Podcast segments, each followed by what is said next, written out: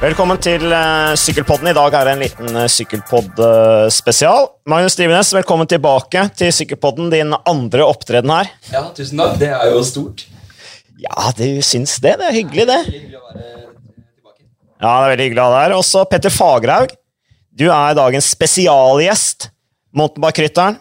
Vi skal da selvfølgelig ha spesielt tema på terrengsykling i dag, fordi at vi skal jo sende VM i helga, Magnus, og det er vi som skal kommentere det.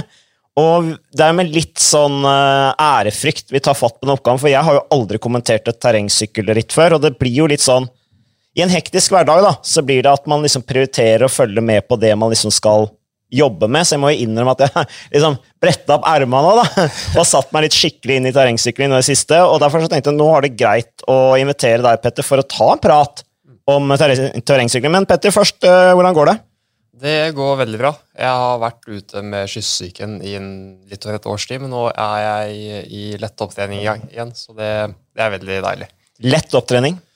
Ja, jeg uh, har egentlig slitt med kroppen i ganske lang tid, også uh, altså etter kyssesyken. Og uh, siden sommeren så har den på måte gradvis begynt å funke bedre og bedre, og nå siste tida så har det begynt å respondere veldig bra. Så det, det er godt.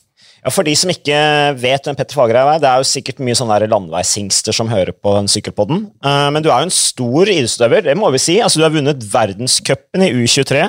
Du har vel tre eller fire enkeltseier i verdenscupen, har du ikke det? Uh, fire enkeltseier i U23 er det. Ja. ja. Ikke sant? Og du er faktisk du var så god at du har Du har jo kontrakt i dag med Phoenix, eller Alpezin Phoenix. Alpezin Phoenix, ja. Det stemmer. Laget til Matty van de Poel. Det er gult. Det er kult. Ja, det er kult. Det er stort. Mm. Så vi må nesten spørre deg etterpå om du har snakket med Matty van de Poel. Vi kan komme tilbake til det. Ja, ja, vi kan høre det. For det må vi nesten prate, syns du ikke det, Magnus? Mm. Er. Mm. Matthew van de Poel, liksom. Mm. Hæ? Mm. Vidundergutten i internasjonal sykkelsport som vinner alt, uansett underlag. Men uh, uh, Petter, eller først jeg tenkte vi skulle bare si Har dere sett på noe sykkelløp i det siste? Eh, det er stort sett det, det ettermiddagen går til. Det er det, ja. Men det er, du er lærer òg. Du må rette noen prøver og sånn. Ja, men eh, det handler om prioriteringer. ja, det er jeg enig i. Så barna skjønner det når de prøver prøva levert tilbake uten noen kommentar. Magnus ruller terningen, så ja, det, blir det bra. Jeg gjør det skikkelig, altså. Nei, eh, jeg prøver å legge inn eh, giroen eh, fast etter jobb hver dag. Og det er jo så deilig at det er så mye sykkel nå på høsten. Det må jeg bare si. Og det er jo et helt fantastisk Giro d'Italia vi har eh, foran oss nå. Med, altså, det er litt synd at vi har disse favorittene som har velta ut, og at eh, Astana har mista sine beste hjelperyttere for fuglesang, og at uh, Jeron Thomas er ute. Men vi har altså en situasjon hvor det er ingen kapteiner omtrent som har et skikkelig lag til å støtte opp om sin kaptein. Og at det er det kommer til å bli fyr og flamme i fjellene. Og jeg tror, eh, jeg tror, det kommer til å bli mye underholdende sykling fra Italia eh, de neste to ukene. Ja. Det har ikke kommet så veldig langt, egentlig. Nei. Så det er akkurat startet. Mm. Mye action. Uh, Petter, du følger vel egentlig ikke så mye med, gjør du det? Jeg er vel strake motsetninger, da, Magnus. så jeg, nå som jeg ikke har sykla noe særlig siste året, så har jeg heller ikke fulgt med noe særlig. Uh, jeg fikk meg litt fra siste verdenscupen, som gikk i Nomesto forrige uke. Men uh, jeg følger ikke så mye med, mye med på sykkel utover det jeg sykler selv, dessverre. Så få med meg litt nyheter nå, da. Fikk med at Tobias Foss gjorde det veldig bra i giroen på prologen. Det var gøy å se. Men uh, jeg er nok heller i andre enden av skalaen enn Magnus. ja, for du bor jo på Lillehammer. Det stemmer. Bodde på Lillehammer i syv år. Du er fra Gjerdrum opprinnelig? Født og oppvokst i Gjerdrum, sykla for Romerikesåsen sykkelklubb da jeg var yngre. Og så flytta jeg til Lillehammer og begynte på Norges hoppidrettsgymnas der. Og fant at det var veldig fint å trene og bo der, så blitt boende siden. Du, eh, skal vi se her, jeg bare not, var jo inne og noterte, jeg har jo en mappe av de her som jeg har tatt opp. Eh, du, jeg så det der at du hadde Du blir jo trent av Lars Stensløkken, blir du det ennå, eller? Jeg blir trent av Bent Rønnestad. Det er Bent Rønnestad du blir trent av, for ja. Bent hadde jo jeg, jeg var jo på den laben deres på Lillehammer. Ja, det fikk jeg med meg. Det var en god podkast. Snakket med han og Joar Hansen. Det var artig, det. Ja. Får noen skruer. ja, altså, jeg kjenner jo godt til de, så det blir noen timer i laben der uh, gjennom vinteren. Uh, så blir trent av Bent, og jeg har et veldig godt apparat på Lillehammer. vi har jo Olympiatoppen Innlandet også, som på en måte gjør at det sportslige er ivaretatt. da. Ja, ja. Nei, Der er du i gode hender. så Vi satt jo der og så på trøya di, norgesmesterskapstrøya di, og mimret litt om gamle meritter. Var stort, så, så det er uh, bra. Men uh, er det noe mer vi skal si om landeveissykling akkurat nå? Jeg bare så litt på, Vi snakka om giroen, Magnus. Uh, Demar er jo rå i spurtene. Og så ser jeg også, for å snakke litt norsk sykkel, da Giro della Regione Friuli Venezia Giua, som er 2-2-ritt. Uno X klinker til og vinner da første etappe, som er eh, lagtempo, foran utviklingslaget til eh, CCC. Så det er, eh, det er bra. Du, du trener vel kanskje litt med Tobias Foss, eller, eh, Petter? Han har jo både vært mye på reise, men også bodd i Italia. Nei, Spania, Girona, de siste årene. Så det har ikke blitt altfor mye. Det, vi får oss en tur i ny og ne. Han er på Lillehammer. Nå er det jo lenge siden vi har sykla sammen, men eh, vi har hatt mange timer eh, opp gjennom årene da vi gikk på NTG sammen. Vi har jo vært klassekamerater, så, så vi kjenner hverandre godt. Mm. Så en fin fyr. Ja, ja, men det er bra. Noe mer du vil si, Magnus? Nei, jeg kan bare like til at jeg syns det er kult at uh, Tobias Foss virker å være i meget bra form. Den femteplassen hans på tempoen der var jo meget imponerende, og han kjørte bra på den etappen som da var i går, da, da Filippo Ganna vant den fjelletappen.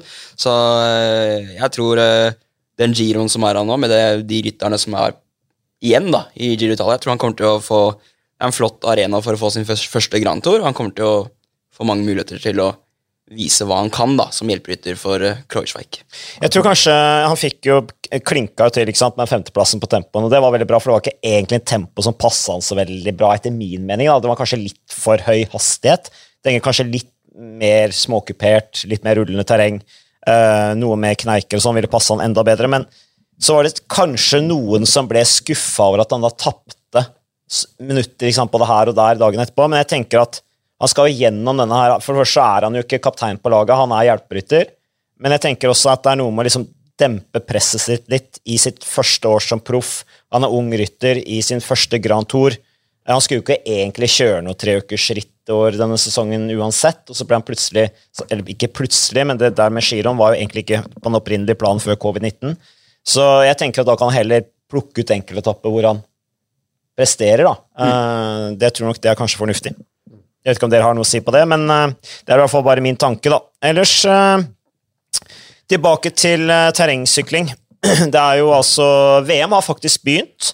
Eh, det er i gang. Det er jo eh, mye forskjellig klasse, blant annet e-sykling. Ja. Altså, E-sykling det høres ut som noe som kunne vært veldig bra for meg. da. Med min uh, forhenværende karriere som pro cycling manager-entusiast. Men det er jo ikke akkurat dataspill det er.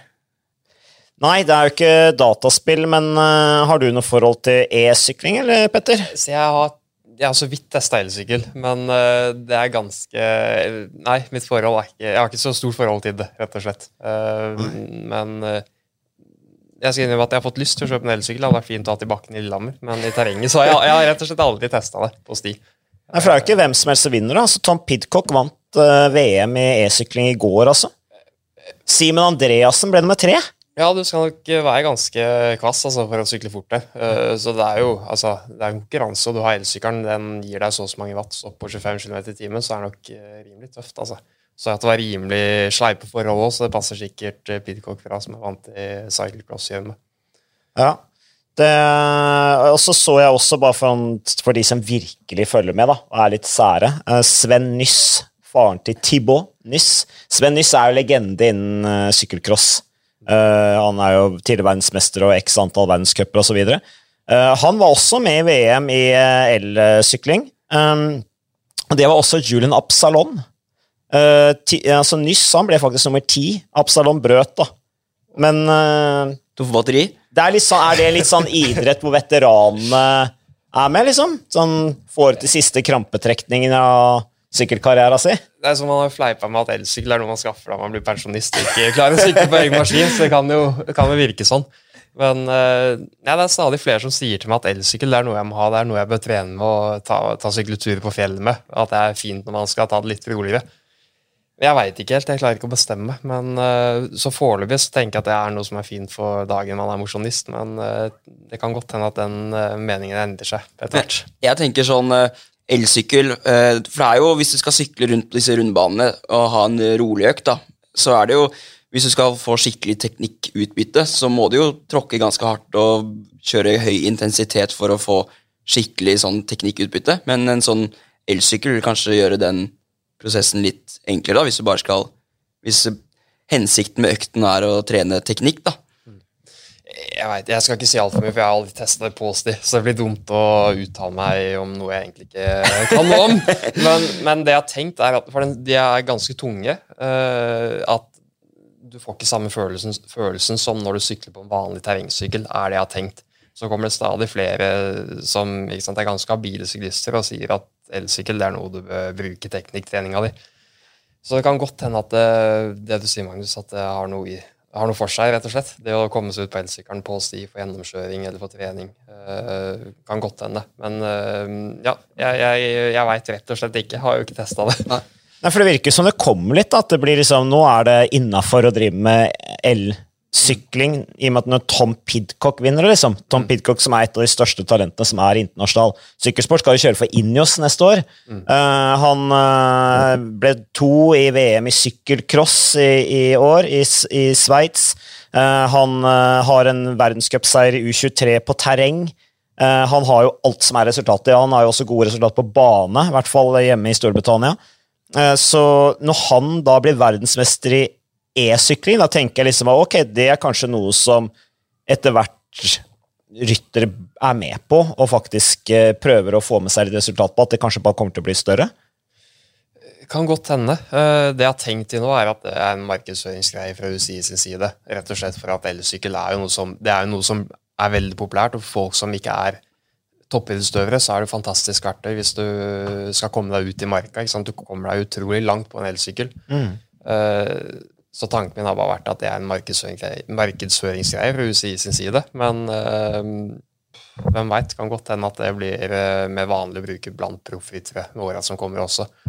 Mm. Ja, for det, jo, det er jo sikkert gøy å se på, da. For det blir jo sikkert en det blir jo sikkert bra punch, tenker jeg. Opp disse her eh, bakkene og kneikene. Det er jo breiere dekk og større bremser, og det blir jo en voldsom kraft. da. Ja. Så det er jo sikkert spektakulært å se på. Tenk deg Matthew van de Poel på en e-sykkel. da.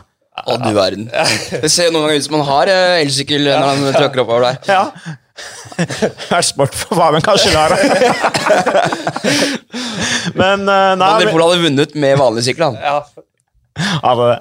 Men uh, det er i hvert fall artig å se at uh, Thomas Pidcock er da verdensmester i e-sykling. Uh, og Det var jo første VM i e-sykling i fjor, så det er jo relativt uh, fersk. og Simon Andreassen, altså dansken, vi kan prate litt om han.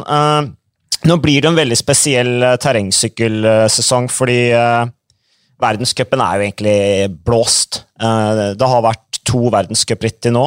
det har vært i Novo Mesto forrige uke. Da klinte de to de to verdenscuprittene i cross country og og også short track, for short track, short track er liksom en del av verdenscupen. Ja, det er det. Så det var to i kortbane og to i rundbane. Ja, skal du, kjøre, skal du være med i verdenscup, så må du kjøre begge deler. ikke sant? Hvis du, er, du må være ranka topp 40 på UCI-ranking for å kunne stille til start på kortbane, og resultatet ditt i kortbane det avgjør start, startposisjon i rundbane. Mm. Ja. Så, men uh, alt det ble klint inn da i Novemesto uh, forrige uke, og uh, Simen Andresen. Andresen han, dansken klinte til. Vi husker jo, mange snakket om han. Han var jo, vant jo han verdens beste junior. Eh, et ekstremt talent. Eh, og så blir han litt borte fordi han har mye skader. tror jeg, Velt og skader. Eh, og så har han tydeligvis kommet tilbake nå. Ble du overrasket over å se han plutselig vinne verdenscupen? For det var hans første deltakelse i en eliteverdenscup. Ja, første deltakelse, og starta Langt med startnummer 67. Eh, og ikke sant, Startposisjon har jo en del å si i rundbane. ikke sant, du, Mange som skal inn på en sti, så det blir lang kø. Så det at han vant der, det, det var imponerende, men jeg vil ikke si at det var uventa. Simon er jo et, altså et, utrolig stort talent som liksom, har sett opp gjennom alle år, særlig junioralderen, hvor han var eh, til tider dominerende. Så ja, det har nok handla litt om at han eh, antageligvis bare har bestemt seg for at nå skal han sykle fort, og da sykler han også veldig fort. Mm. Hva slags Kjenner du han, eller? Jeg kjenner jo litt til Simon. Uh, ikke noe, kjenner han ikke noe godt personlig, men vi, vi, har jo snakka sammen. Uh, og det er en uh, det er jo ikke en stereotypisk idrettsutøver som liksom, står opp klokka åtte eller sju og spiser havregryn, og så drar han ut på økt, og så kommer han hjem og legger seg på sofaen, og så er det andre økt på kvelden før det er senga. Han, ja, han har nok litt mer behov for å leve et liv, og det er nok den balansegangen der som kanskje har vært litt vanskelig å, å finne, som også har gjort at ting kanskje ikke har gått helt på skinner de siste åra. Mm. Som det ser ut til at han uh, har funnet, funnet, en god balanse på nå. Så, så det er bra. Bra å se for han. Eh, så falt han litt igjennom da, på den andre, for det var to runder nå. ikke sant? Det var runde én som uh, Simon Andresen vant. da, Dansken, unge dansken fra Odense i Danmark, født i 97. Um, sykler for Specialized Racing Team, er jo også Red Bull-utøver. og De får vel litt ekstra oppfølging, vil jeg tro, disse Red Bull-utøverne. Kan godt hende. Jeg kjenner ja. ikke så godt til det. Nei. Men, Og så var det da runde to, hvor han falt litt igjennom. Da var det helt andre forhold. Det var jo vått og sleipt, og så var det plutselig tørt. Magnus, du så det, du også. Ja. Du var nesten ringside, du. Ja, nesten. Nesten. Nei, det var, eh, det var jo eh, han, han, vant jo det gjørmerittet, det første rittet, og det, den siste dagen, da, hvor de har allerede tre ritt i beina, da, to short track og en, eh, en rundbane, et, et rundbaneritt. og så sleit han litt med kramper da, de siste tre rundene, han Simon Andreassen, og ble nummer 13 til slutt. Men det, det, jeg lurer litt på, da, det er jo sånn eh, Han var veldig god på det gjørmerittet, og så falt han litt igjennom på dette rittet hvor det var helt tørt. Og det var veldig stor forskjell i resultatlistene. På det tørrrittet var det jo mange som kom og spurte om seier. Mm. mens på gjørmerittet var det stor, store avstander, og det var litt forskjellige typer rytter som var uh, foran. Så er det sånn noen eh, ser på værmeldingen nå før søndagens ritt og tenker sånn jeg håper det kommer regn, for jeg har lyst til å sykle gjørme. Motsatt, da. Jeg vet ikke hva du tenker, Petter? Det er det definitivt, ja. At uh, altså Først og fremst å sykle terrengsykkel i regnvær er jo et det er litt dritt, fordi det er så sinnssykt mye å vaske. Så, altså, det tar så mye lengre tid når du skal ut på økt når det er regn, fordi det, er, ja, det blir mye å rengjøre det når du har gjørme og alt mulig dritt på både sykkel og klær. Så det er nok mange som syns det er mye diggere å sykle i, i tørt og tørre og fine forhold. Men de har vel folk til å vaske syklene for seg på VM, vel? På VM, så ja. sannsynligvis har det eh, Ja, men bare, dette blir men Jeg så nå i i det britiske mesterskapet i sykkelcross. Pga. covid-19 så får de ikke lov til å ha med sånne høytrykksspylere og spyle syklene, fordi de mener at det kan være med å spre partikler. Så jeg så Tom Pidcock liksom svarte at det ikke er mange som kommer til mål i nasjonale mesterskap i sykkelcross pga. det. For der, der, kan du jo levere inn sykkelen din, og så spyler de, alle har jo to eller tre sykler. Så kan man bytte sykkel underveis. Det kan de jo ikke i terrengsykling. Nei, du slipper heldigvis litt billigere unna da, med at uh, det er ikke like stort behov for å på en måte, Du trenger ikke bytte sykkel på hver runde, men uh, så fort det blir vått, så blir det en del uh, Det blir et helt annet, løp, rett og slett. Med at du skal over mye sleiperøtter, sleipe steiner, sleipt gress. Uh, og det stiller veldig mye større krav til teknikken, rett og slett. Og er der ser du de som er på et veldig høyt nivå teknisk. De takler gjørme eller våte forhold på en god måte. Mens forskjellene til de som ikke er så gode teknisk, de blir enda større når det er gjørmete. Uh, og da kan ikke sant, da, I hvert fall så ligger du og kaver rundt i gjørma etter å ha svidd på røtter, steiner og ja, og det er nok grunnen til at måte, at det blir så store forskjeller i resultatene fra et tørt til vått løp. Mm, men Simen Andresen han takla tydeligvis det bra. Han er veldig god teknisk, tydeligvis. da. Han har jo kjørt mye cyclecross opp igjennom og trent uh, året rundt på uh, sannsynligvis ganske våte forhold i Danmark, så han har nok fått det der inn med morsmelka, det å kjøre i våte forhold. Mens Nino Schürter, han sier jo at han ikke er noe glad i våte, sleipe forhold. På tross av at han jo har, uh, han har 32 verdenscupseiere og sju VM-titler, er det ikke det han har? Et eller annet sånt. Noe sånt. Ja, han, er jo en av, han er jo en av legendene. Ja, han er vel, Om han ikke er den mestvinnende, så er han vel eh, en av de ja, topp tre mestvinnende terrengsyklistene gjennom tidene. Uh, hvorfor han sier det, jeg har ikke peiling, for han er jo en utrolig god teknisk rytter. Mm. Uh, men uh, ja, jeg, altså jeg tror sånn, sånn, jeg kjenner Nino, så takler han våte forhold på en temmelig god måte. Men det kan godt hende at han er enda, enda bedre når det er tørt. Mm. Ja, Han øh, gjorde jo heller ikke bra på den runde én av verdenscupen, men det hadde jo litt med startposisjon, det også, fordi at han var dårlig på den shorttracken, mm. øh, som jo er helt annen type ritt. Det er jo som et gateritt, nesten. I hvert fall Det kommer jo an på løypa, selvfølgelig. Men Ja, bortimot gateritt. Eh, forholdsvis flatt, er høy fart, det skal være samla. Det er hele konseptet at det skal være tette dueller og gjerne ende i et spurtoppgjør. Eh, og så var han vel utsatt for et velt der også, som gjorde at han og flere av de andre topprytterne gikk ned, så han, liksom, fikk en dårligere startposisjon til rundbanerittet litt seinere. Men eh, ja, de kortbaneløpene er nok heller ikke det som passer Nino aller best, i og med at han er en liten rytter, samtidig som han uh, har hovedfokuset sitt, hovedfokuset sitt, på rundbane. Så han har gjerne tatt, og, sant, tatt det litt roligere på kortbaneløpene, for, bare for å sikre seg en topp åtte-plassering som står på første rekka til start på rundbane. Men at han ikke sykla fortere enn det han gjorde på rundbaneløpet, det, det var, var, jeg litt overraskende. Ja, men han kjørte seg opp fra Altså, Han så jo helt håpløs ut underveis, og jeg tenkte han, det så, det så ikke ut som han kom til å bli topp 20 engang. Ja, og så plutselig blir det nummer fire, da, Ja. og kjører fortere enn de som ligger Simen Andreassen og disse her som lojalitet, så han kjørte fort, raskere rundetider når han bare liksom kom seg litt. Ja, for han, han så veldig slapp ut til å begynne der. Mm. så kjørte han jo på en måte Ja, kjørte seg jevnt oppover. Eh, så ja, det er for så vidt et godt løp, men jeg ja, litt overraska over Jeg har aldri sett Ninos ikke sant, i den posisjonen. Nei, Lide. Eh, Lide han så jo utrolig sliten ut. Eh, ja. Men han Harding han viser jo at han er mester. da, ikke sant? Gir seg aldri. ja, det var imponerende innhenta. Ja, og du sier at han er liten, men fyren er jo bare muskler. Synes jeg, da. Han ser jo ut som sånn der, eh, Han ser jo utrolig kompakt ut. Ja, Og jeg har sett noen sånn YouTube-klipp hvor han driver og trener styrke og sånt. Det er ganske rått. Det er, ikke, det er jo ikke noe Det er jo ikke noen hemmelighet hvorfor han er så god som han er, tenker jeg. Han, han øh, har nok funnet et opplegg som funker utrolig godt for å sykle fort på rundbane. Eh, og det stiller jo noen eh, ganske annerledes krav enn om du skal være en uh, topp Grand Tour-rytter. Så du ser jo ikke sant, at kroppssammensetningen hans er jo ikke Det er jo ikke Chris Froome eller en klatrer. Så øh, i rundbane det er en og en halv time, og det er sjelden stigninger på mer enn to minutter. Du skal ha mye punch, og du skal være sterk i kroppen for å ikke sant, stå imot når du sykler i terrenget. Så øh, det har han jo kropp for. Hvordan ville du vært på terreng, Magnus? Ja, jeg har jo faktisk prøvd meg litt eh, på terreng. Eh, du kjenner, Petter, du kjenner sikkert til de her eh, cupene som har vært på Østlandet. Er, det Nissan Cup og United Bakeries Cup og sånt. da. Stemmer, ja. Så da var det jo det var vel United Bakeries Cup eller noe på eh, Holmen, da hvor jeg er fra, i Asker, eh, som jeg stilte opp en gang. da. Hvordan var det? det var, eh, det, det var dritgøy. Det var vanvittig moro. eh, litt skummelt. Eh, på rekognoseringen turte jeg ikke å kjøre ned hoppbakken på Holmen der.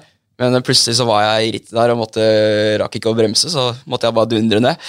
Men eh, det, var, eh, det var moro, og det var, eh, det var, det var hardt. Men jeg var helt udugelig. Jeg er veldig dårlig teknisk da, og litt pysete av meg. Eh, Så det, var, det er nok ikke en uh, gren som passer meg sånn kjempebra, men uh, det, er, det er moro, da.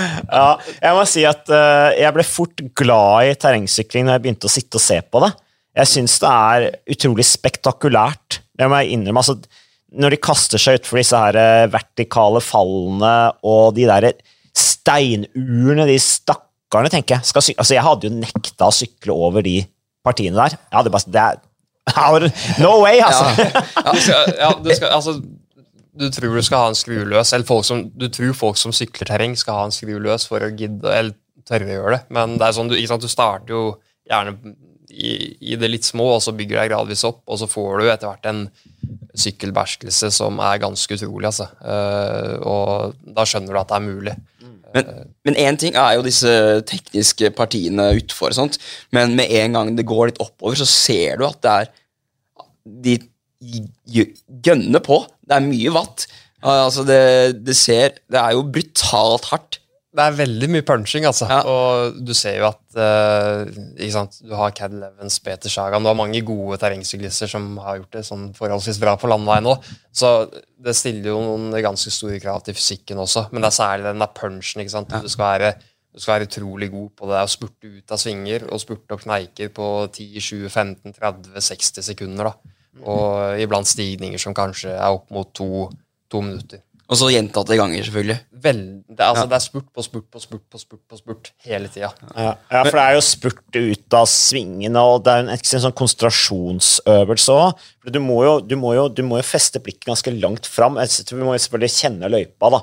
Det har jeg skjønt liksom er litt av nøkkelen, det der å rekognosere og vite akkurat hvor det er glatte røtter og steiner. og Det der er jo litt sånn som alpint, tenker jeg, at du må visualisere løypa på forhånd, og sånne ting, men du må jo på en måte hele tiden ha blikket framover, sånn at du ser hvor akkurat den sleipe rota er, akkurat den steinen er. Det er en sånn kamp hele veien for framdrift òg. Det er det som er veldig kult med sporten, at du får en så utrolig fin følelse med selve sykkelen. Uh, at du, sant, du kommer inn på stier, og så ser du du har masse røtter, sleiperøtter, du har steiner, du har partier på en måte, du har linjevalg du ønsker å treffe. Og så kjenner du ikke sant, du kjenner kanskje å shit, jeg var litt uh, sleip på framhjulet, og så justerer du deg inn, og du får, du får rett og slett utrolig god kontroll på sykkelen og uh, sant, de elementene du sykler over, som, som gjør at du uh, kommer deg fortest mulig fra A til B. Da. Og det er en litt kul følelse ved, ved å sykle terreng, at du, du er så i ett med stien. Men utstyret, da? Eh, altså Jeg har jo også sykla litt terreng, men det begynner å bli lenge siden. Det er selvfølgelig hardtail. Um, høyt sete. sånne ting. Uh, og jeg bare ser nå ikke sant, med sånne der teleskopiske uh, sete... Heve-senkepinne. Ja, heve-senke setepinne. Uh, hvordan de bruker det ikke sant, utforkjøringene. Ja. Senker den sant, for at du ikke skal få det setet opp, eller sånn rekyl opp i rumpa. uh, for da mister du kontroll på sykkelen. Um, og dekkvalg og dekktrykk og dem, fulldempa, ikke fulldempa. Altså, det er, utstyret har mye å si. Det har veldig mye å si. Det er litt dumt, dumt å si det, at det har mye å si, for sant, det, det er en sånn der evig diskusjon av det der musekysteriet. Og på absolutt toppnivå så har det mye å si, men i yngre klasser så er det viktig å få fram at det viktigste er å ha en sykkel, og så ha det gøy. Mm. men på toppnivå så, så, betyr utstyret mye. ikke sant? Da går du på detaljer, at du ønsker å tjene noen sekunder hvor enn det er mulig. Om det er på, på demperne eller dekk, felger. ikke sant? Så det brukes veldig mye tid på å få en god sykkel, og du ser kanskje lag, Laget til Nino Shooter, Skottsramlaget, er vel de som er flinkest mulig på å optimalisere utstyret og legger ufattelig mye ressurser i det også. Men da handler det om hva for noe dekkbredde man skal gå for. Uh, gummien i dekkene, uh, dekkmønster, felgene, bredde på felgen. Uh, om du skal gå for en lett felg, litt tyngre, men kanskje mer solid felg. Mm. lagre, dempere har mye å si hvordan, åssen Hvor bra selve demperen er, men at du også tar og tilpasser demperen din kjørestil. Eh, styre og ikke sant, heve senkepinne. Det er mye som, har, som spiller en rolle, da. Uh, som, ja, som sant, er blitt, man bruker mer og mer tid på i terrengsykling også. Mm. Så på det øverste nivået så er du ekstremt er du avhengig av å være på godt lag hvis du skal kjempe helt til toppen? Uh, ikke nødvendigvis, men det vil gjøre, gjøre det betydelig enklere, ja. Ja, og så nevnte du, du nevnte dekk og sånne ting, men de har jo ting i dekka òg. For det er jo lite punkteringer. Ja, det stemmer. At, og punkterer du, så er du ferdig. Eh, ikke nødvendigvis. Eh, du har nå, Det som er blitt veldig populært, det du har inni dekkene, det er sånne pølser som ligger inni dekket, dekkene. Gjerne, altså, det er en, gjerne en skumgummipølse som ligger inni selve dekket, mellom dekket og felgen, som gjør at hvis du treffer en skarp stein, så slipper du å gå høl på sideveggen eller i i selve dekket. Ikke sant? Så du minimerer risikoen for å punktere. Eh, men så har vi også det som sant, kalles guffe i dekkene, en type eh, væske som får du et lite hull, så tetter den, uh, tetter den væska som sant, har vært vanlig å kjøre med, og som fortsatt flere kjører med. Mm. Uh, og ikke sant, det vil si at hvis du får en liten punktering i et løp, så tetter kanskje en guffe, og så kan du sykle videre. I verste fall så sykler du på litt flatt hjul og får bytta, liksom bytta hele hjulet. Og så kommer deg videre. Så. Det er ikke alltid at en punktering gjør at du er ute av et løp. altså. Nei, jeg bare så det fra Novo Mesto der, så var liksom de som punkterte, de så man ikke igjen. Det var jo blant annet en brasilianer kan godt tenke seg han hadde falt av uansett, da, som vel leda første runden på den mm. runde to der. Ganske imponerende og veldig overraskende også. Uh, og skal man ikke le av brasilianere. Det var jo Avancini som jo vant den der runde to. Og det er jo litt morsomt. Det er jo noen sånne personligheter også i, i terrengsykling, syns jeg, som er litt morsomt. da. Jeg bare sett litt på den historien til han uh, Avancini, liksom hvordan han har kjempa for å komme dit han er. Reis, liksom, Faren drev sykkelbutikk. Det, det var jo ikke noe særlig satsing i, i Brasil. Han måtte til Europa, hadde ikke noe særlig penger. Liksom, de gutta har slitt da, for å komme dit de er. Uh, men det er jo litt gøy da, at det er jo ikke en sånn erkeeuropeisk idrett heller. Da, han meksikaneren Lua, eller hva han egentlig ikke så veldig mange visste hvem var, som vant shorttracken. Så det er jo litt spredning på det òg. Ja, det så man jo på verdenscupene som var nå, at det er ganske bra mangfold i startfeltet. Med folk fra Sør-Afrika, Brasil, Mexico. Du har folk fra Australia. Og så er jo terrengsyklinga øh, tradisjonelt sett konsentrert rundt Mellom-Europa, men så har du, sant, du har mange nasjonaliteter hvor kanskje USA, øh, du har folk fra Brasil, Mexico, Sør-Afrika, Australia, ikke sant, hvor det også kommer gode ryttere ifra. Da. Så, så, det er et ganske bra mangfold på feltet. Og så, mm.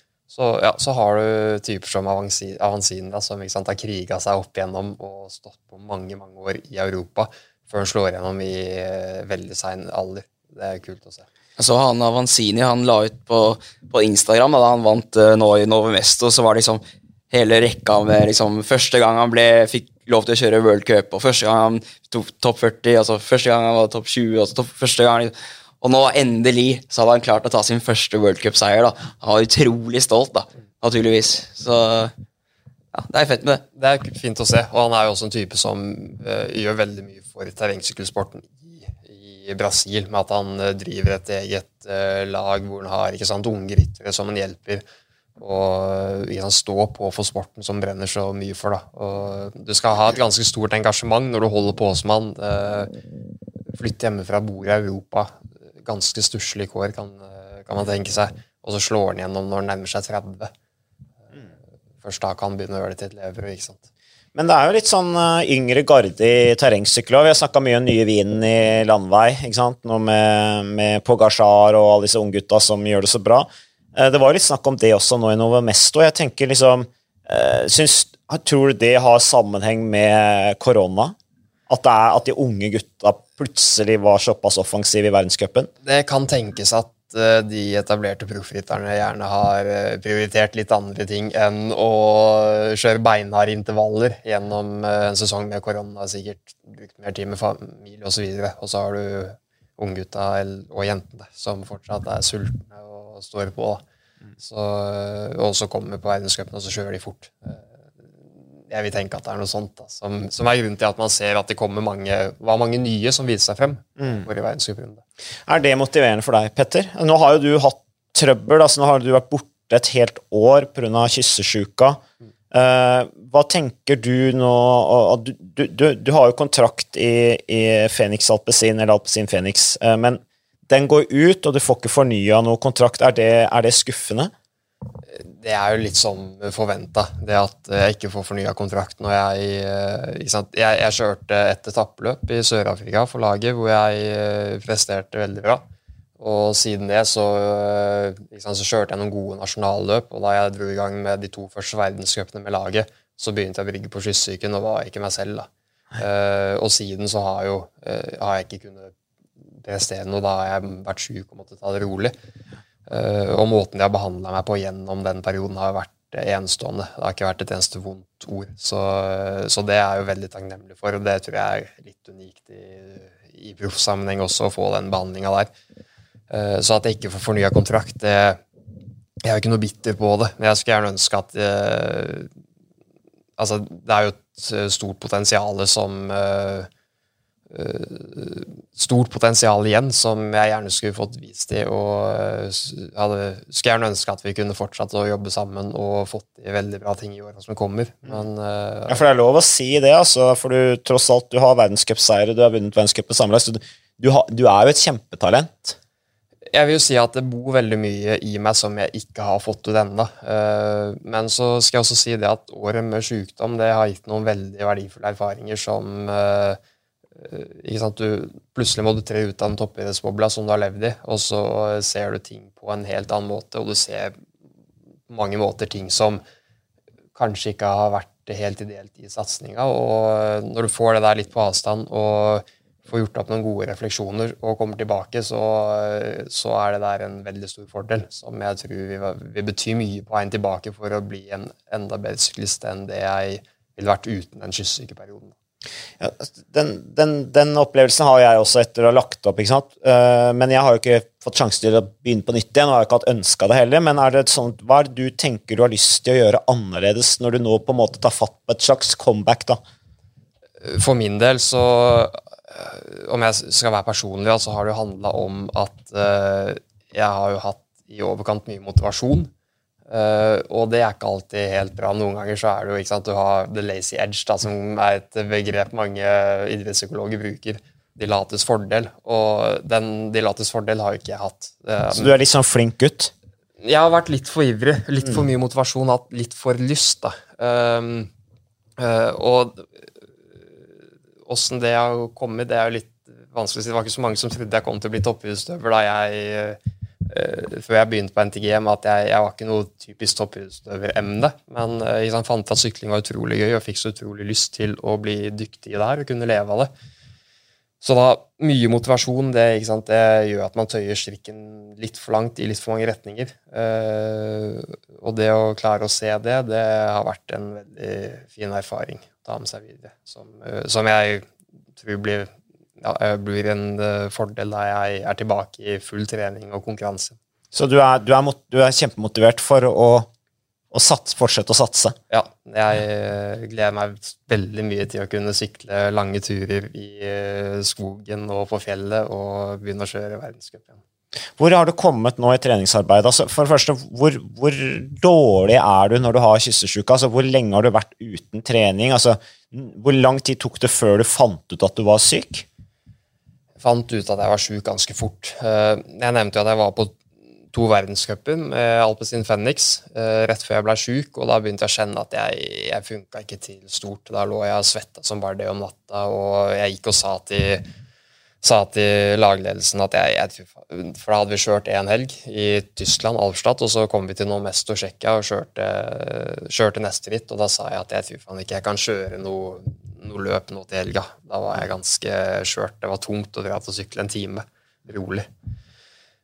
De trodde jeg tulla, og så øh, ja, så blei vi enige om at ja, vi tar oss og kjører, da. Uh, så kom jeg meg gjennom, men da jeg reiste hjem fra det, så begynte jeg, da begynte jeg liksom å få litt mindre sykdommer, og så gikk det en måneds tid, og så blussa kyssesyken opp da med at jeg liksom, begynte å bli ganske mye verre. Tok jeg prøver, og så fant jeg ut ok, det er kyssesyken. Uh, så da, siden det så var det bare å ta det utrolig rolig. Uh, og vært forholdsvis dårlig, slapp ja, og sånn har det stått på i ganske lang tid. For jeg eh, nå i sommer at det begynte å løsne, og jeg nå de siste ukene eller siste måneden har begynt å respondere veldig positivt på trening igjen. Mm. For det er sånn snikende sykdom. Det er liksom, den Sysselsyka er oppfatta liksom Du har de som blir skikkelig sjuke og får konstatert det ganske raskt og er veldig dårlig en periode, og så er de på en måte ferdig med det. Og så er det de som går lenge og ikke helt veit hva det er for noe, og så presser de strikken og tenker at ja, de kommer tilbake, eller dette her går over, eller er bare dårlig form. Og så kaster de bort veldig lang tid. Hvor har du vært der? Jeg gikk jo en måned hvor jeg hadde noe, et eller annet sykdom, så jeg tok det rolig. Prøvde meg på noen økter, kjente at shit, det funker ikke. Og så blei det bare en Altså, jeg blei litt friskere, og så, så brøt det ut med helt sinnssykt vond hals og kroppsverk, som er de typiske kyssesykesymptomene. Mm. Da skjønte jeg at nå er det bare å ta det rolig. Jeg stakk ned på Olympiatoppen, tok prøver og fikk raskt svar på at det er kyssesyken. Og da var det bare å ta det helt rolig. Så jeg tøyde jo ikke den strikken noe spesielt langt, men litt av problemet mitt er at jeg var, jeg var ganske nedbrutt da de sjukdommene blussa opp med at jeg hadde kjørt etappløp i Sør-Afrika i slutten av mars og tatt og vilt for lite etter det og trent som en tulling i to måneder fram til de verdenscupene. Det var en kropp som ikke skulle hatt noe sykdom i utgangspunktet. Så, så, det gjorde at jeg ble satt kraftig tilbake. Mm, du følte det på press òg, tenker jeg, med kontrakt i et storlag og lagkamerat med Mathieu van de Poel og alt det der. Det er jo liksom ikke så mye rom for å ikke prestere i et sånt miljø, da. Ja, altså Du tenker ikke så mye når du stikker ut på økt, og du kanskje kjenner deg litt uh, sliten i beina, så tenker du ikke noe på det. Du tenker heller på de verdenscupene du skal uh, sykle om noen uker hvor du har lyst til å være i knallslag. Mm. Det er jo, uh, kan bli en liten utfordring. Men det er vel også når man trener seg opp, da, sånn som nå, du er på bedringens vei, så er det jo i hvert fall min erfaring at det er, det er veldig motiverende å se at du blir bedre og bedre for hver økt. og jeg tenker kanskje du sitter litt med den følelsen nå, at nå du sier at du er i ferd med å begynne å løsne, og det, det er Du sitter og smiler, Petter. Ja, det er jo en fantastisk følelse, da. Altså, det, ikke sant? Når du kjenner at shit, det her går jo framover, og så får du den derre I hvert fall ikke sant, altså, ligge på en sofa i et års tid og ikke gjort en puck. Har ikke orka noen ting. Og så kan du endelig begynne å sykle og komme deg ut, få litt endorfiner og frisk luft i ansiktet det er jo en veldig god følelse, og du kjenner at det blir bedre og bedre gang for gang. Ja, Så du kjenner på gleden, og du kjenner, du føler du blir sterkere? Ja, altså Det har jo så utrolig mye å si, det å komme seg ut. Og jeg skjønner jo virkelig ikke sant, Når hverdagen din er å stikke ut og trene mange timer, så ikke sant, du har ikke noe begrep om liksom, verdien av å stikke ut og holde, kanskje være litt aktiv, men det skjønner du virkelig når du ikke sant, etter å ha ligget på sofaen i lang tid kommer deg ut og så kjenner på den derre det er ikke mye trening, men det er litt, og det er så utrolig godt. Mm. Så fysisk aktivitet er jo viktig for alle. Ja, det er det. det, er det. Hvor er det du står eh, nå, da, sånn fysisk, eh, i forhold til eh, hvordan du var for eh, ja, halvannet år siden? Um, akkurat nå står jeg der at min lengste økt den har vært på 1 12 time. Uh, og det er jo en liten milepæl, på en måte, at jeg bygger meg gradvis opp til den 1 12 timen. Uh, den har kjentes veldig bra ut, og da er det måte, nå er det tid for å gjøre litt endringer i opplegget med å begynne å kjøre hyppigere økter og lengre økter. Uh, ja. så, så, det er der jeg står. Men du blir fulltidssatsende fremover. Hvordan skal du ordne rent praktisk i forhold til å kunne satse, nå som du ikke har kontrakt i Fen Alpezin Fenix mer? Fram til jeg fikk Eh, kontrakt i Alpezin Fenix, så hadde jeg noen veldig sjenerøse private sponsorer uh, som har vært med og støtta meg opp gjennom flere år. Uh, og det er flere av de som er med videre, og så er det jo dessverre også noen av de som sliter pga. korona. så det jeg jobber med om dagen, er å få inn midler til at jeg kan finansiere et opplegg for de neste åra. Mm. Rett og slett. Så uh, hvis det er noen potensielle sponsorer som hører på Sykkelpodden her nå, så er det bare å ringe deg, vet du! Det er bare å ringe. det er bare blå! Bare å ringe. Ja, ja, 1843 Det er bra. Men uh, Petter, fortell litt nå om, uh, om opplegget i, uh, i Alpezin Phoenix.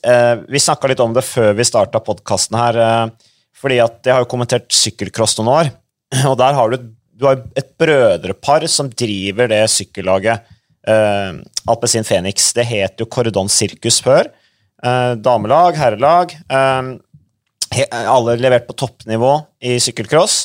Uh, og så er det da Mathieu van der Poel har jo på en måte vært laget, har jeg tenkt. Liksom, de har bygget laget rundt han. Han er den store stjerna. Men så eier de jo også flere andre lag.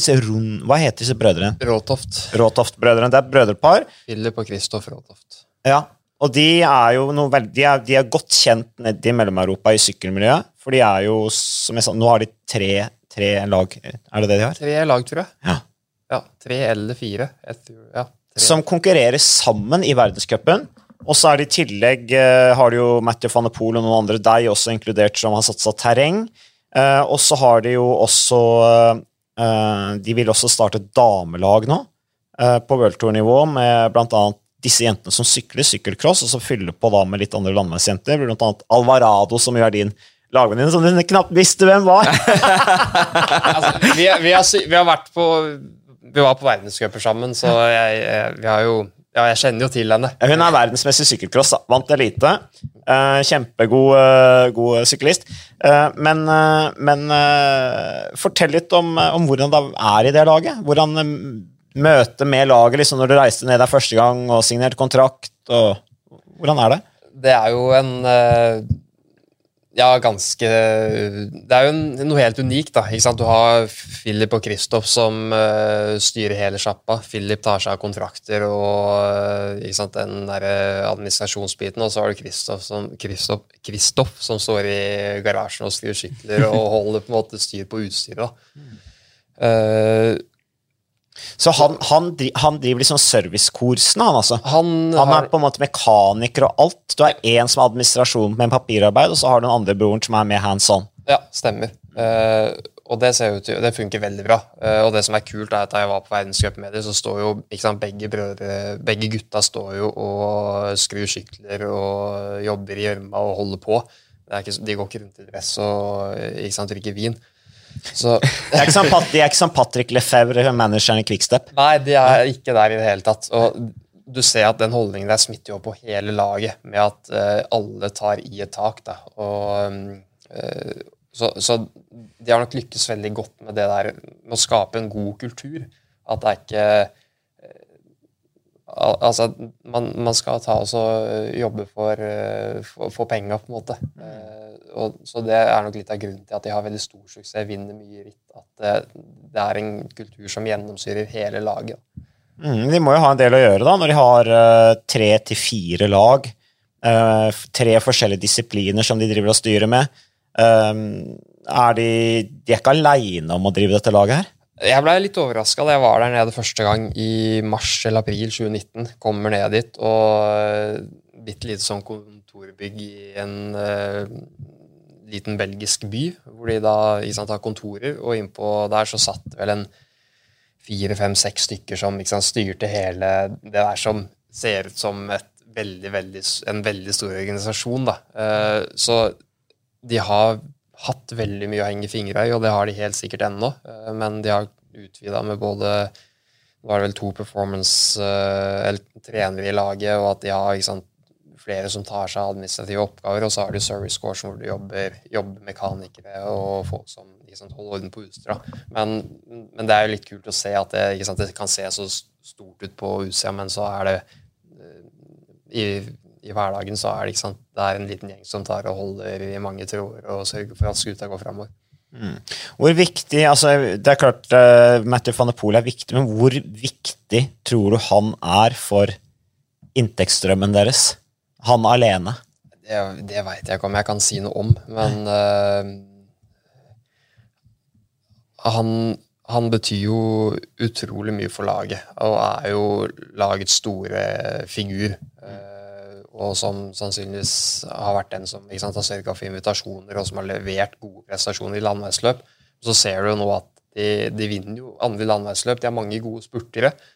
Og, og så er Mathieu er vel, har vel kanskje vært måte, kanskje lagets, uh, lagets trekkplasser, om man kan kalle det det. Ja, Det er vel ikke noen tvil om. Han er, jeg har tenkt på, Ja, han er, er, laget, på en måte. Mm. Ja, han er jo det. Og, og ikke sant, de, de brødreparet de er jo managementet til Mathieu, tar seg av alt av henvendelser og har et helt utrolig profesjonelt opplegg rundt, rundt Mathieu. Så laget er jo bygd opp rundt Mathieu, men så Mm. ser du nå at de utvider landeveislaget med å ta inn eh, han Philipsen. Uh, Mm. Jasper Philipsen ja, fra UAE. ja, og, og har vel ambisjoner om å kanskje få et litt mer slagkraftig lag eh, som kan støtte Mattu i større grad enn de gjør nå. Da. De risikerer jo å bli invitert til Tour de France neste år, da, for de leder jo nå Pro Conti. Gjør de ikke det, Magnus? Jo, jeg tror de gjør det. Ja. Og eh, det er jo en enorm eh, inntekts... Eller sånn der promoteringsarena, da, som har masse å si for sponsorer sponsor og alt det der. Og Van der Poel har jo signert kontrakt med eh, Alpecin Phoenix ut 2023. Så åpenbart at han trives og har tro på prosjektet der, da. Det er det, det er ingen tvil om. Men ja, de fikk jo inn Alpezin ikke fra Katusha, gikk heller over et Canyon. Altså, de, de, de på en måte de ville til Mathieu van der Poel og ha han som Det er jo han de ville ha som profil, og så følger det med en masse rundt det, da. Eh, så eh, jeg tenker liksom eh, Der er det vel mye sånne avtaler som går på siden av selve lagets budsjetter, og tenker jeg i forhold til Matthew van der Poel og sånne ting. Jeg har ikke helt annet som åssen det funker, men jeg veit at sånn som i Canyon, så har vel Altså, han har vel noen personlige avtaler med de sponsorene også, samtidig som de spytter inn en, noen gode slumper i laget. Eh, akkurat hvordan det funker, veit jeg ikke helt, men jeg veit at han har noen personlige avtaler ved siden av. Fikk du snakka noe med han, eller? Ja, jeg snakka litt med han. Uh, aldri fått tid til å bli kjent med han, men uh, vi har vært på noen sykkelturer sammen og utveksla noen ord. Åssen er han å trene med? Han er en øh, Han er vel en eh, ja, helt vanlig 25- eller 26-åring. Helt vanlig. Han, han sykler Ikke kom med den, da! utrolig fort. Det, han skal ha det at han sykler utrolig fort. Ja, Gamperen, er det, er det tøft å trene med han? Altså, Jeg tenker ikke på sånn som type, om han er vennlig og sånn, det er han helt sikkert, men er, liksom, hvordan er det å følge han på trening? liksom? Er det krevende å trene med han? Jeg har bare sykla sammen i verdenscupsammenheng, så da ja, Men det er jo sånn at da, da han skal kjøre løp på litt utpå dagen, så tar han jo sykler fra hotellet som ligger to timer unna, eller en halv time unna stadion, bort til, bort til løypa for, å, sant, for turens del. Så han er jo en type som Han koser seg på sykkelen, rett og slett. Det er ikke så farlig om, om det er en time eller to fra eller til. Sånn er ikke du, Magnus. Nei, jeg liker helst å sykle minst mulig. Nei da. Du, du skal hvile beina til konkurransen, du. Ja. Ja. Når de viktige turrittklassikerne kommer, da skal ikke jeg sykle til de rittene. Da er det Nei, du sløser ikke med kreftene. Nei, nei, nei. Nei, da, har du, da kjører du bil, selvfølgelig. Men eh, Nei, men det er eh, artig, men eh, Nå er det jo VM til helga, og det store spørsmålet er Stiller Matthew van de Poel, eller har du hørt noe om det? Jeg har ikke peiling, rett og slett. du har liksom meldt deg litt ut av det Jeg har meldt meg ut inntil videre. Ja. Jeg, jeg har ikke fått med meg at han skal kjøre, i hvert fall. Nei. Men kan godt hende han stiller, tar seg en sviptur, sykler bort. Det ble jo ikke noe Amstel Gold Race, så da har han jo plutselig litt ledig tid. da. Og han er jo tydeligvis en fyr som bare elsker å sykle. Det er jo akkurat det som er at det å være på sykkelen og bare kose seg ute, det er det, det det dreier seg Jeg tror det er det som på en måte ligger der i, i bunn for Matthew, til at det er det som er grunnen til at han sykler. Eh, samtidig som han syns det er veldig morsomt å sykle fort også. Så uh, kan godt hende at han eh, stiller. Han er vel eh, han er på foreløpig startliste til eh, Gent Wevelgem. Det er vel på Er det på lørdag? Nå har jeg gått helt i surr, så det må Det er eh, Skal vi se, da. Vi Det er jo helt kaos i sesongen. Oppi Ja, det er det er rot. helt eh, Det kommer på løpende bånd. Men eh, Gent Wevelgem, ja, det, det er 11., er ikke det på lørdag? Nei, søndag? Jo, stemmer det.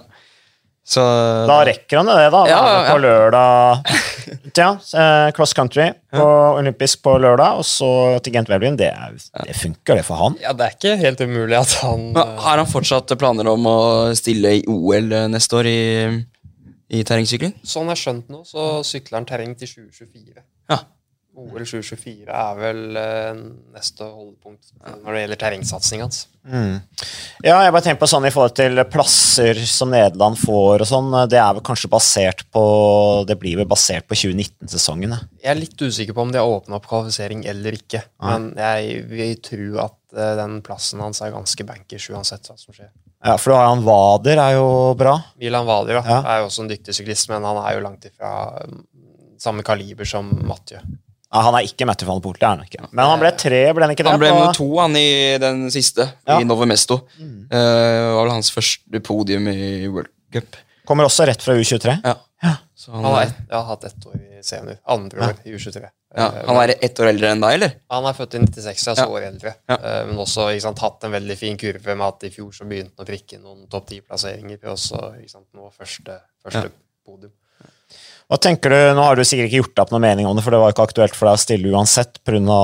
at du er på vei tilbake fra kyssesjuka, Petter. Men hva tenker du om at Norge ikke stiller med en eneste utøver i VM? Jeg har ikke satt meg altfor godt inn i den uh, problemstillinga Veldig greit svar! Så eh, det er jo dumt å mene altfor mye om det, men Nei, så jeg skal ikke mene noe om det i det hele tatt, rett og slett. Men eh, det var vel De hadde vel egentlig tenkt å sende noen, og så ble det slik at det var eh, De tok ikke sjansen på pga. korona. At de eh, For de hadde nemlig tenkt å stille, tror jeg. Men så kom det en sånn pressemelding her for noen uker siden om at eh, de valgte å ikke sende pga. Eh, ja, situasjonen da, som har vært nå i Tsjekkia eh, med tanke på den worldcupen som var nå i Novmesto, og, og også Østerrike, da, hvor VM nå går. Så eh, det, var en, det er en avgjørelse forbundet har eh, tatt, da, med tanke på sikkerheten til Ja, det er smittevernet Ja, som, som er det avgjørende. At de mener at informasjonen er for dårlig, de mener at tiltakene er for Ja. de mener at det er gærent at ikke alle utøverne tester, at det er frivillig testing osv. som de bruker som argumenter. Da. Men uh, det virker jo som det har fungert greit da, de nå i de sykkelrittene. Det er jo, det er jo masse sykkelløp som går rundt omkring. Ja. Så jeg tenker at det er jo litt synd òg, da, tenker jeg. Ja. At de ikke er med når det faktisk er mulig å være med. Mm. Definitivt. Det hadde vært veldig gøy med noen norske på start. eh, Så det er Ja, vi har jo Erik Hægestad som sykla utrolig fort i verdenscupscener i fjor med uh, topp ti-plasseringer. Uh, Utfor så har vi Millie Jonseth, som er ei veldig lovende yngre jente. Så sant, det er jo folk som, folk som har sykla veldig fort og uh, sannsynligvis kunne prestert på et bra nivå. Ja, hun Millie Jonseth så jeg uttalte seg veldig altså, diplomatisk da, med at uh, ja, Norge sender ingen. Så jeg bare så på Instagramen hennes. Ganske kult å følge henne. En tøffing, hun, altså. Uh, og sånn er det bare, skrev hun liksom. Uh, så. Men hun også er jo topp klasse, som sikkert syns det er litt synd å ikke få vært med i VM. Ja, jeg tror hun syns det var veldig kjipt, og hun kunne nok levert en god prestasjon også. Eh, og jeg så hun var nede i Leogang, der hvor VM går sammen med laget sitt, utenfor laget. Uh, så Hun er jo der nå. ja, så det er nok uh, Ja, det er sikkert eh, kjipt å stå her og se på. Men eh, Ja, ja. Men sykkelløp blir det, så det blir veldig spennende, Magnus. Eh, er det noe vi burde spørre Petter om litt sånn, rent sånn taktisk og sånne ting, eh, teknisk, før vi skal kommentere VM? Det var forresten veldig hyggelig at du kunne komme, Petter. tusen hjertelig takk for at jeg ble invitert. Det, det var på tide. Vi har fått en del tilbakemeldinger fra terrengsykkelfolk i Norge om at nå er det jaggu på tide at dere tar opp litt terrengsykling, men nå blir det jo Vi kommer til å sende terrengsykling på TV2 de neste årene. Det er flott. Og da blir det jo, ikke sant Vi er jo en tabloid overkommersiell TV-kanal. og da blir det jo sånn Da må vi jo ha fokus på det. Ja, og Så skal vi sørge for at det blir eh, gode prestasjoner å snakke om også. Ja, det er viktig at dere leverer, da. I årene som kommer, rett og slett. Men uh, du nevnte litt inn på norsk terrengsykling. Uh, hva, eh, hva tenker du om uh, bredden der, eller liksom eh, nivået? Eh, det er jo terrengsykkellandslag med med en gjennomsnittlig O2 på over 80. Så sant, det fysiske nivået er jo veldig høyt. Og har vært det i flere år. Og så, sant, Fram til jeg ble syk, så har det vært en gruppe på Det har vært en fem-seks ryttere som har vært på et veldig høyt nivå, som har prestert bra. Eh, og høydepunktet var kanskje 2018, hvor vi var eh, fire ryttere som var topp 12, tror jeg, i eh, siste U23-verdenscup. Og det er jo en veldig god prestasjon. Eh, og blant annet nå så har vi jo sant, I rundbanen, altså, eller rundbane og maraton, så har vi hatt Gunn Rita som har vært hun har jo vært ei kvinne som har dratt lasset i mange mange, mange år. Levert uh, utrolig gode prestasjoner, og som ga seg. Ja, hun har jo over 30 EM, VM-medaljer, hun har OL-gull. ikke sant? Så det, ja. Vi har jo litt å slekte på. Rune Høydahl også. Høydal òg har jo på en måte lagt igjen en ganske bra arv i terrengsykkelsporten.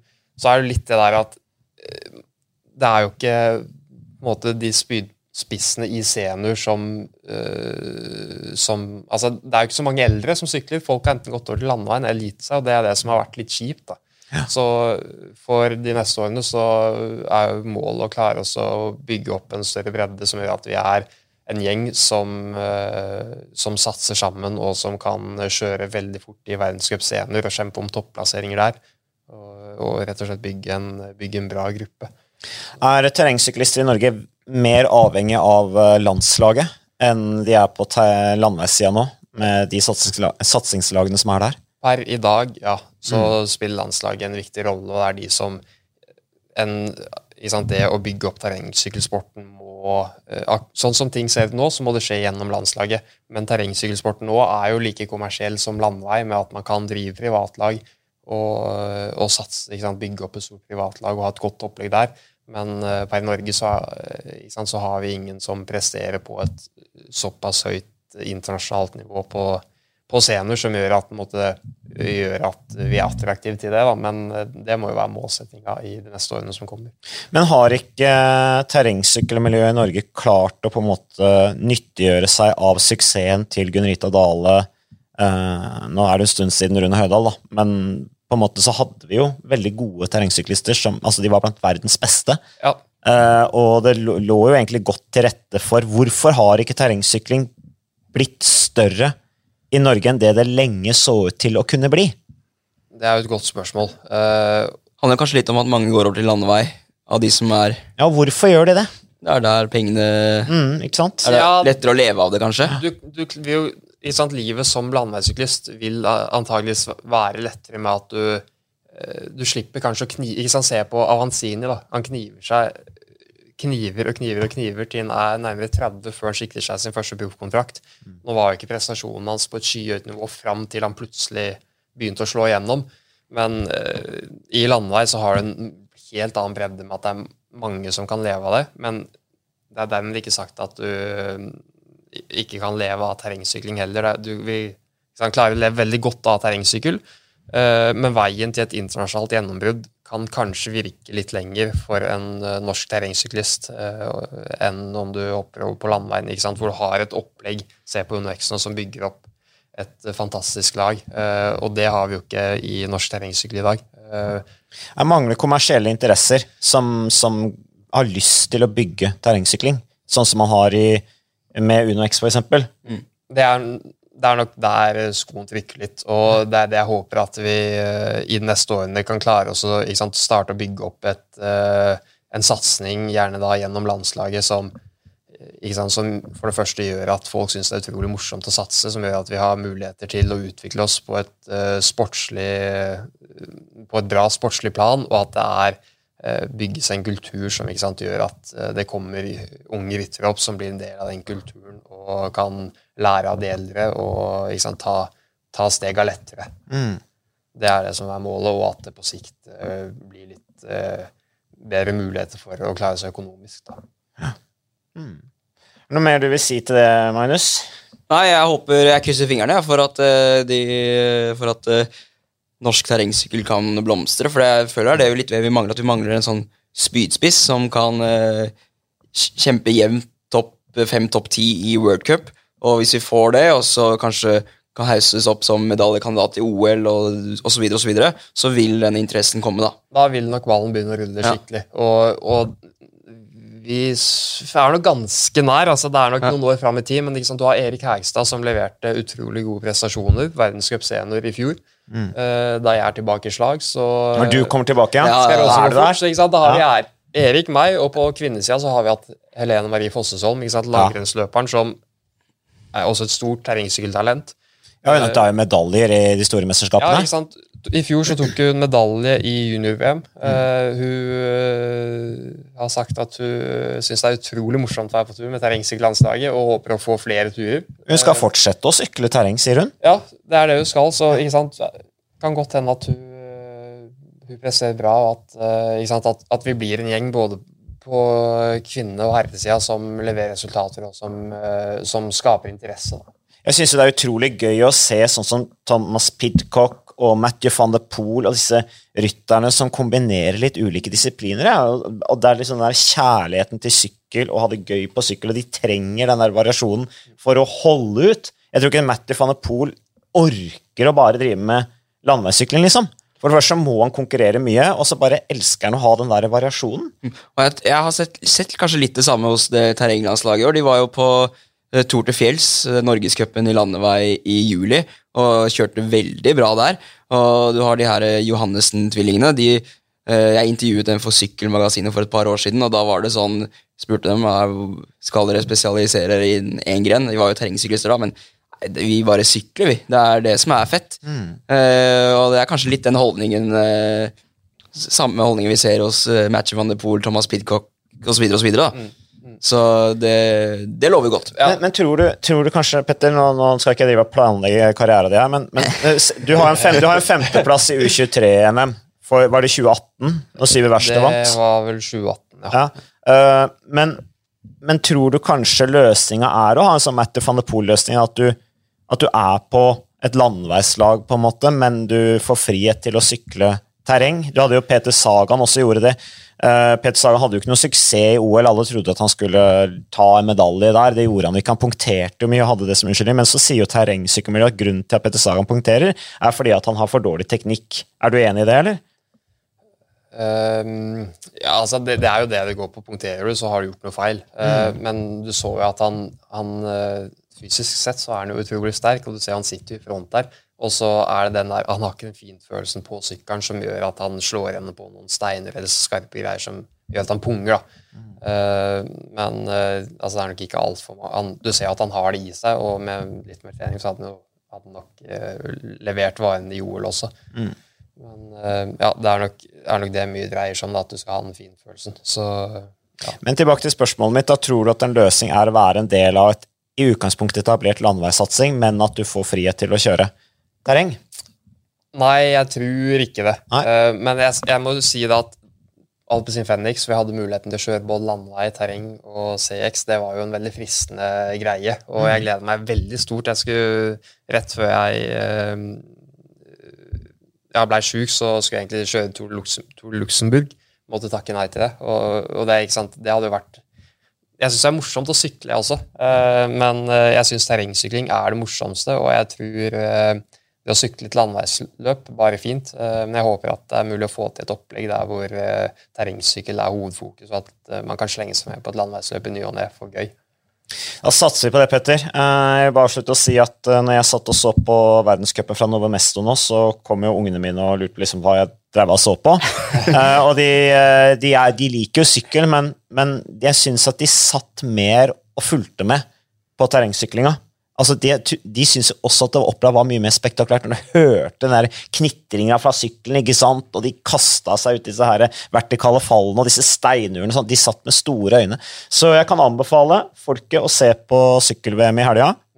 Og kommenterer vi ræva, Magnus, så er det bare å skru ned lyden og så nyte bildene. Nyt bildene, Det er jo det som er så fantastisk med terrengsykkel. Det der å være ute, adrenalin, action, og så komme inn steiner og lurer på hvor i helsike skal du sykle, og så finner du en linje, og så, ikke sant? Det er skjermen. Så um, terrengsykkel, det, det er noe alle bør teste.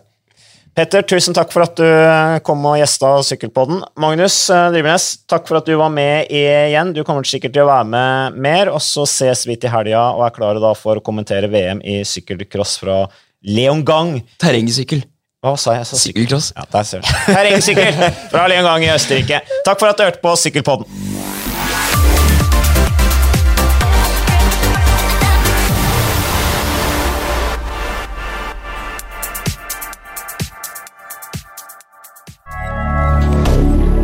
Moderne media.